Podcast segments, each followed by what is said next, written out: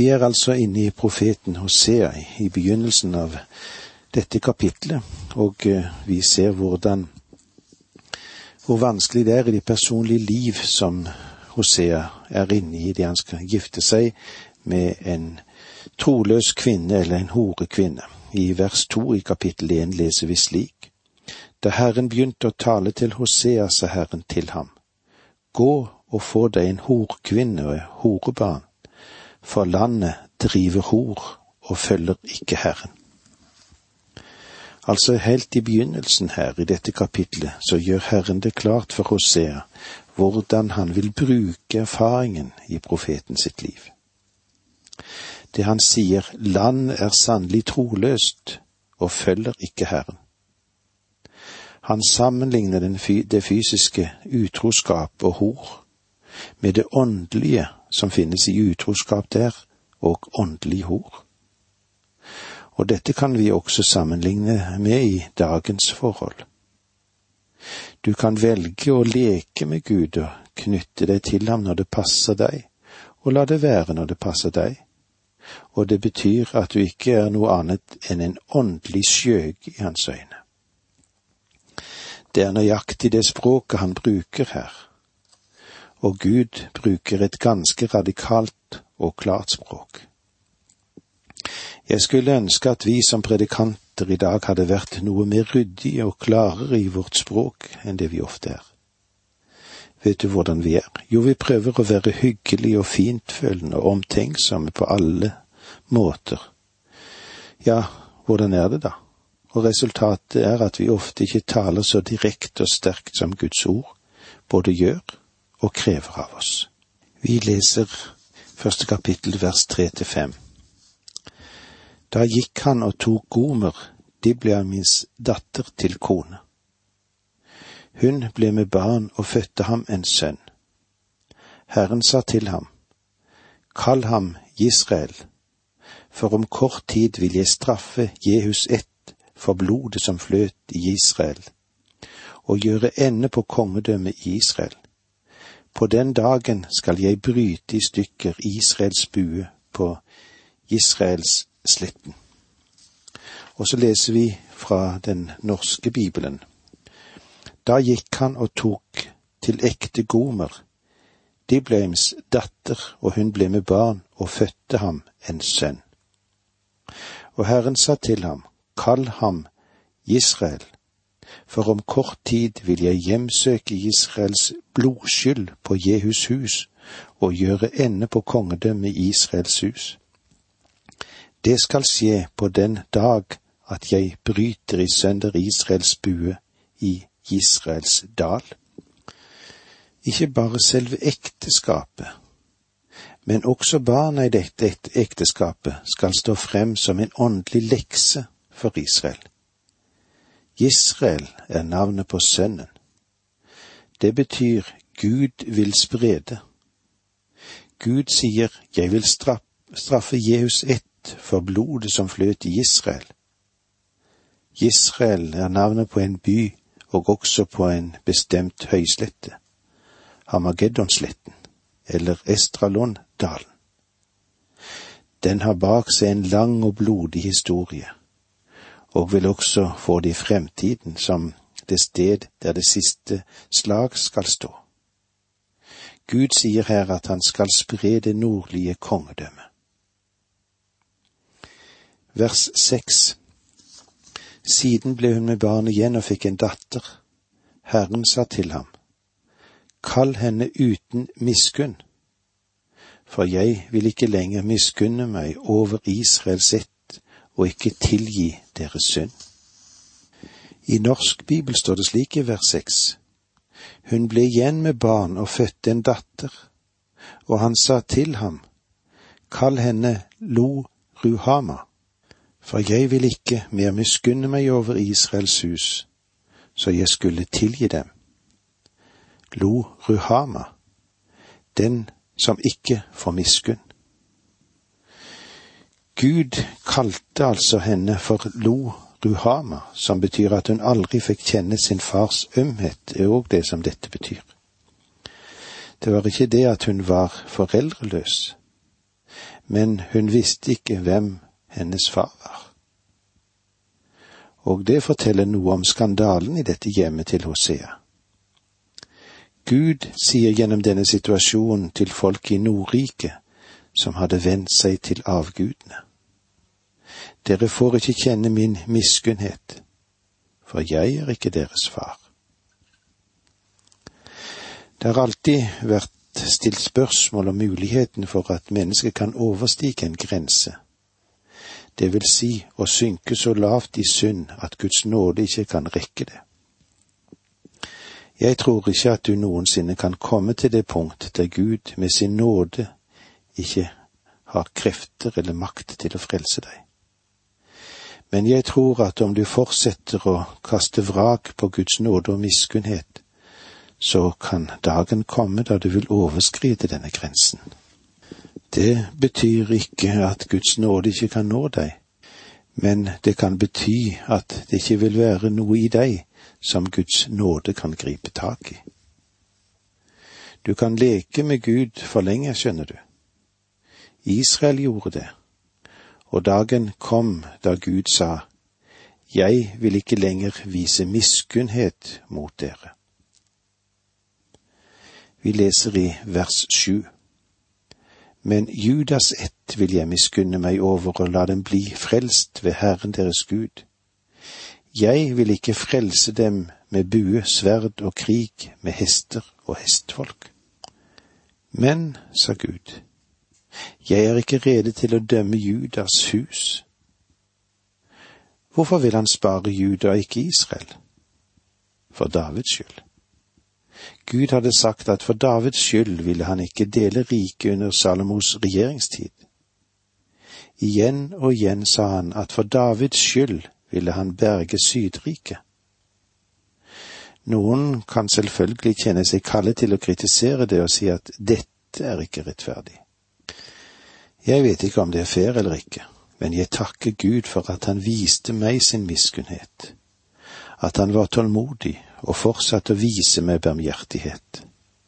Og så fortsetter han med det ennå i dag, og det er jo stort. La dem bli frelst ved Herren deres Gud. Jeg vil ikke frelse dem med bue, sverd og krig, med hester og hestfolk. Gud sier faktisk, jeg vil ikke frelse dem på bakgrunn av at de har et jetfly eller atomvåpen. Jeg vil ikke frelse dem med bakgrunn av deres militære styrke. Om du leser annen kongebok 19 og Jesaja 37, så vil du lære hvordan Gud på en mirakuløs måte fridde folk i Sydriket ved denne tid. Men han berget ikke Nordriket. Vers åtte. Da hun hadde avvent uten miskunn, ble hun med barn igjen og fikk en sønn. I norsk bibel står det slik. Da hun hadde avvent lo Ruhama, ble hun igjen med barn og fødte en sønn. I dette landet tok det omkring to–tre år til å avvenne et barn. Da Lo Ruhama var avvent, fikk Gomer ennå en sønn. Vi leser vers ni. Herren sa, kall ham ikke mitt folk, for dere er ikke mitt folk, og jeg er ikke deres Gud. Og i norsk bibel står det slik, og han sa, kall ham Lo Ami, for dere er ikke mitt folk, og jeg vil ikke tilhøre dere. Det tredje barnet var Lo Ami, som betyr ikke mitt folk. Setter du dette uttrykket i entall, vil det bety ikke mitt barn. Det var spørsmål omkring det andre barnet, men angående dette er det ingen tvil. Gud sier til israelsfolket, Dere er ikke mitt folk, og jeg vil ikke være deres Gud. Hvis dette var det eneste verset i Bibelen, så ville jeg være enig med dem som sier at Gud er ferdig med israelsfolket. Men vi må alle være svært forsiktige med å gripe inn i Bibelen og det Bibelen har talt og fortalt oss, og så ta ut et vers her og et der for å få oppfylt det vi ønsker. Nei, leser vi hele Hosea sin profetbok, så kan ingen med vett og forstand si at Gud er ferdig med Israel. Og eh, det vil vi se når vi møtes igjen neste gang. Men det var så langt vi kom i dag. Takk for nå, må Gud være med deg. Dette undervisningsprogrammet består av to deler. Åge Nevland fortsetter nå med andre del av dagens undervisning. Vi er i profeten Hosea, vi er i det første kapitlet, og Gud kaller den for støtte. Og når vi er inne i, i historien om Hosea, så er det i grunnen en sørgelig lesning. Han følte seg sikkert overbevist om at det var hans plikt å ta en hustru som tidligere hadde levd som en prostituert eller som en hore. Det ble altså tre barn i dette ekteskapet. Navnene deres har stor betydning. Gud sår, den som ikke får miskunn, og ikke mitt folk. Dette er mange sjelers historie til tross for Guds ømme kjærlighet vandrer vi ofte på syndens vei. Vi leser i det første kapitlet hos Hosea i vers ti. Likevel skal israelittene bli tallrike som havets sand, som ikke kan måles eller telles. I stedet for at det nå sies til dem, dere er ikke mitt folk, skal det sies, den levende Guds barn.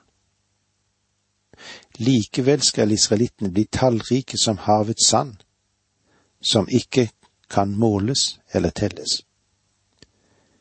Jødefolket er blitt desimert igjen og igjen opp igjennom forfølgelser og holocaust. Tenk bare på hva som skjedde under Hitler. Og hva har vi ikke her for en veldig profeti som forteller at Gud skal øke antallet israelitter? i stedet for at det nå sies til dem, Dere er ikke mitt folk, skal det sies, den levende Guds barn. På den dag skal det bli en veldig omvendelse til Gud. Gud er ikke ferdig med Israel. Det er klart når vi leser alt Guds ord. I dette kapitlet, altså det første kapitlet, så avslutter det med lysere utsikter. Delvis ble disse versene oppfylt da folket vendte tilbake fra Babylon, og de skal oppfylles helt bokstavelig en dag. Kanskje snarere enn vi tror. Og det er riktig å legge vekt på uttrykket på det stedet.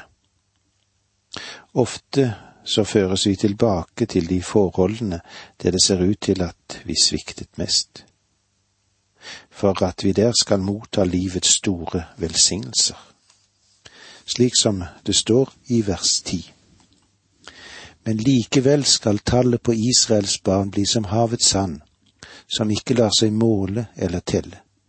Og det skal skje på det stedet hvor det ble sagt til dem, Dere er mitt folk, skal det bli sagt til dem, den levende Guds barn. Overlat din sak til Gud. Han vil føre deg fra fiendens land så du kan få høre den bekjennelsen som kanskje kritikere og fiender har. Vi går videre i vers 11. Folket i Juda og folket i Israel skal slutte seg sammen og ta seg en felles høvding. De skal innta landet. Ja, stor er Israels dag. Folk i Juda og folk i Israel skal slutte seg sammen Folket skal forenes igjen. Og ingen skal behøve å si at ti stammer i Israel savnes. Å ta seg en felles høvding, det har de ikke i dag. Her er ingen enighet om lederskap. Denne felles høvdingen som er henvist her hos Hosea, er selvfølgelig Messias. De skal innta landet, ja, stor er Israels dag. Hvilken vidunderlig profeti dette er. Men jeg er ikke helt enig i det synspunktet at den nåværende tilbakevending til Israel er den totale fullbyrdelse av profeten i Det gamle testamentet. Og dette vil vi se litt nærmere på etter hvert som vi går igjennom Hosea-boken. Det var disse tingene vi fikk med oss i det første kapitlet. Og når vi nå går over i det andre kapitlet, så vil vi se hva Gud har å gi oss også der. Kapittel to åpner med den femte og meget oppsiktvekkende profeti angående Israels folk. De to siste versene i foregående kapittel så vi at en Israel vil erfare en sterk befolkningsøkning. Det andre, og deretter vil vi se at folket vil veld, komme inn i en veldig omvendelsesprosess til Gud. Og så vil Nordriket og Sydriket forenes igjen slik at de tolv stammene igjen vil utgjøre en nasjon. Og det fjerde er at disse vil peke ut en høvding, og det vil være Messias. Og det femte, det står i det første verset i andre kapittelet hos Hosea. Dere skal si til brødrene deres, mitt folk, og til søstrene deres, du som har fått miskunn. Gud sier til folket at dagen kommer når han vil si til det. Dere er mitt folk. Gud er ikke ferdig med Israel ennå. Det vil vi se når vi kommer i kapittel tre. Og det er viktig at vi forstår det. Den som lærer at Gud er ferdig med Israel, står i fare for enten å åndeliggjøre eller trekke fra en hel del i Det gamle testamentet. Om du kan fjerne den bokstavelige betydningen i Det gamle testamentet, så har du samme frihet til å gjøre likedan i Det nye testamentet vil du strippe romerbrevet og til og med Johannes 3,16 for deres bokstavelige mening. Du kan ikke gjøre det med Det nye testamentet, og tro ikke at du kan gjøre det heller med Det gamle testamentet. Vers to Før klagemål mot deres mor, før klagemål mot henne. For hun er ikke min hustru, og jeg er ikke hennes mann La henne fjerne sin horemine fra ansiktet og horemerket fra brystene. Og så tar vi en sammenligning med det som står i Norsk Bibel. Gå i rette med deres mor, gå i rette med henne, for hun er ikke min hustru, og jeg er ikke hennes mann. Få henne til å ta bort sine horeminer fra ansiktet og sine utuktige fakter fra brystene. Før klagemål bærer i seg et skyldspørsmål, fordi Israel på samme måte som Gomer var utro og gikk tilbake igjen til prostitusjon. Gud tillemper denne Gormers synd på folket. Hosea giftet seg med en pike som var blitt en skjøge, og etter at de hadde vært gift en tid og hadde fått tre barn, så gikk hun igjen tilbake til prostitusjon. Og hele tiden så hadde Hosea elsket henne. Den største synd i verden er ikke mord eller tyveri eller løgn. Eller eh, muligens heller ikke med visse omstendigheter hor. Men vurderer vi det etter Skriften, og det den lærer oss, så er den den verste synd du kan begå, det er å bli utro mot den som elsker deg hvis vi prøver å passe dette inn i vårt, egne, vårt eget liv, hva er så den største synd en kristen kan begå? Mange mennesker mener og tror at det er mord eller løgn eller begjær. Men den største synd er utroskap mot Gud som har forløst deg, Han som elsker deg. Større synd finnes ikke. Gud sa, Gå til deres mor og før klagemål mot henne. Be henne om å vende tilbake til meg. Be henne om å vende seg bort fra sitt avguderi. Vers tre Ellers skal jeg kle henne naken og stille henne frem som hun var den dagen hun ble født. Jeg vil la henne bli som en ødemark, gjøre henne lik et tørt land og la henne dø av tørst. Om hun ikke gjør bot, vil Gud dømme henne. Angående Hosea så ligger det i dette at han ikke var fullt så ømhjertet som profeten Jeremia var. Og jeg kan bare tenke meg at han sa, Å, om hun fortsetter dette livet, så må jeg få henne steinet. Jeg har ikke noe annet alternativ. Vi leser videre i vers fire i kapittel to. Hennes barn vil jeg ikke miskunne meg over, for de er horebarn. Hennes barn vil jeg ikke miskunne meg over. Gud tillemper nasjonens synd på den enkelte som utgjør dette folket. De er uekte barn, og Gud vil dømme dem. På dette punkt i Israels historie hadde hele folket vendt seg mot avgudene, og Gud sier at han ikke vil vise miskunn mot Israel, for de er horebarn. Vers fem For deres mor var utro, hun som fødte dem, bar seg skammelig at. Hun sa, Jeg vil gå etter mine elskere, som gir meg brød og vann, ull og lin, olje og vin. Hun gjør dette for penger. Det er penger i prostitusjon, og det er en av agnene også i våre dager. Dette kan antyde at Hosea ikke var noen særlig formuende mann, at han ikke var i stand til å tilby luksus slik som Gomer krevde. Og derfor kom hun opp i denne situasjonen og praktiserte prostitusjon på si. Hosea var i en vanskelig situasjon. Det var ikke enkelt det han var kommet opp i. Vi vil eh, se nærmere på disse tingene når vi møtes igjen neste gang, men det var så langt vi kom i dag. Takk for nå, må Gud være med deg.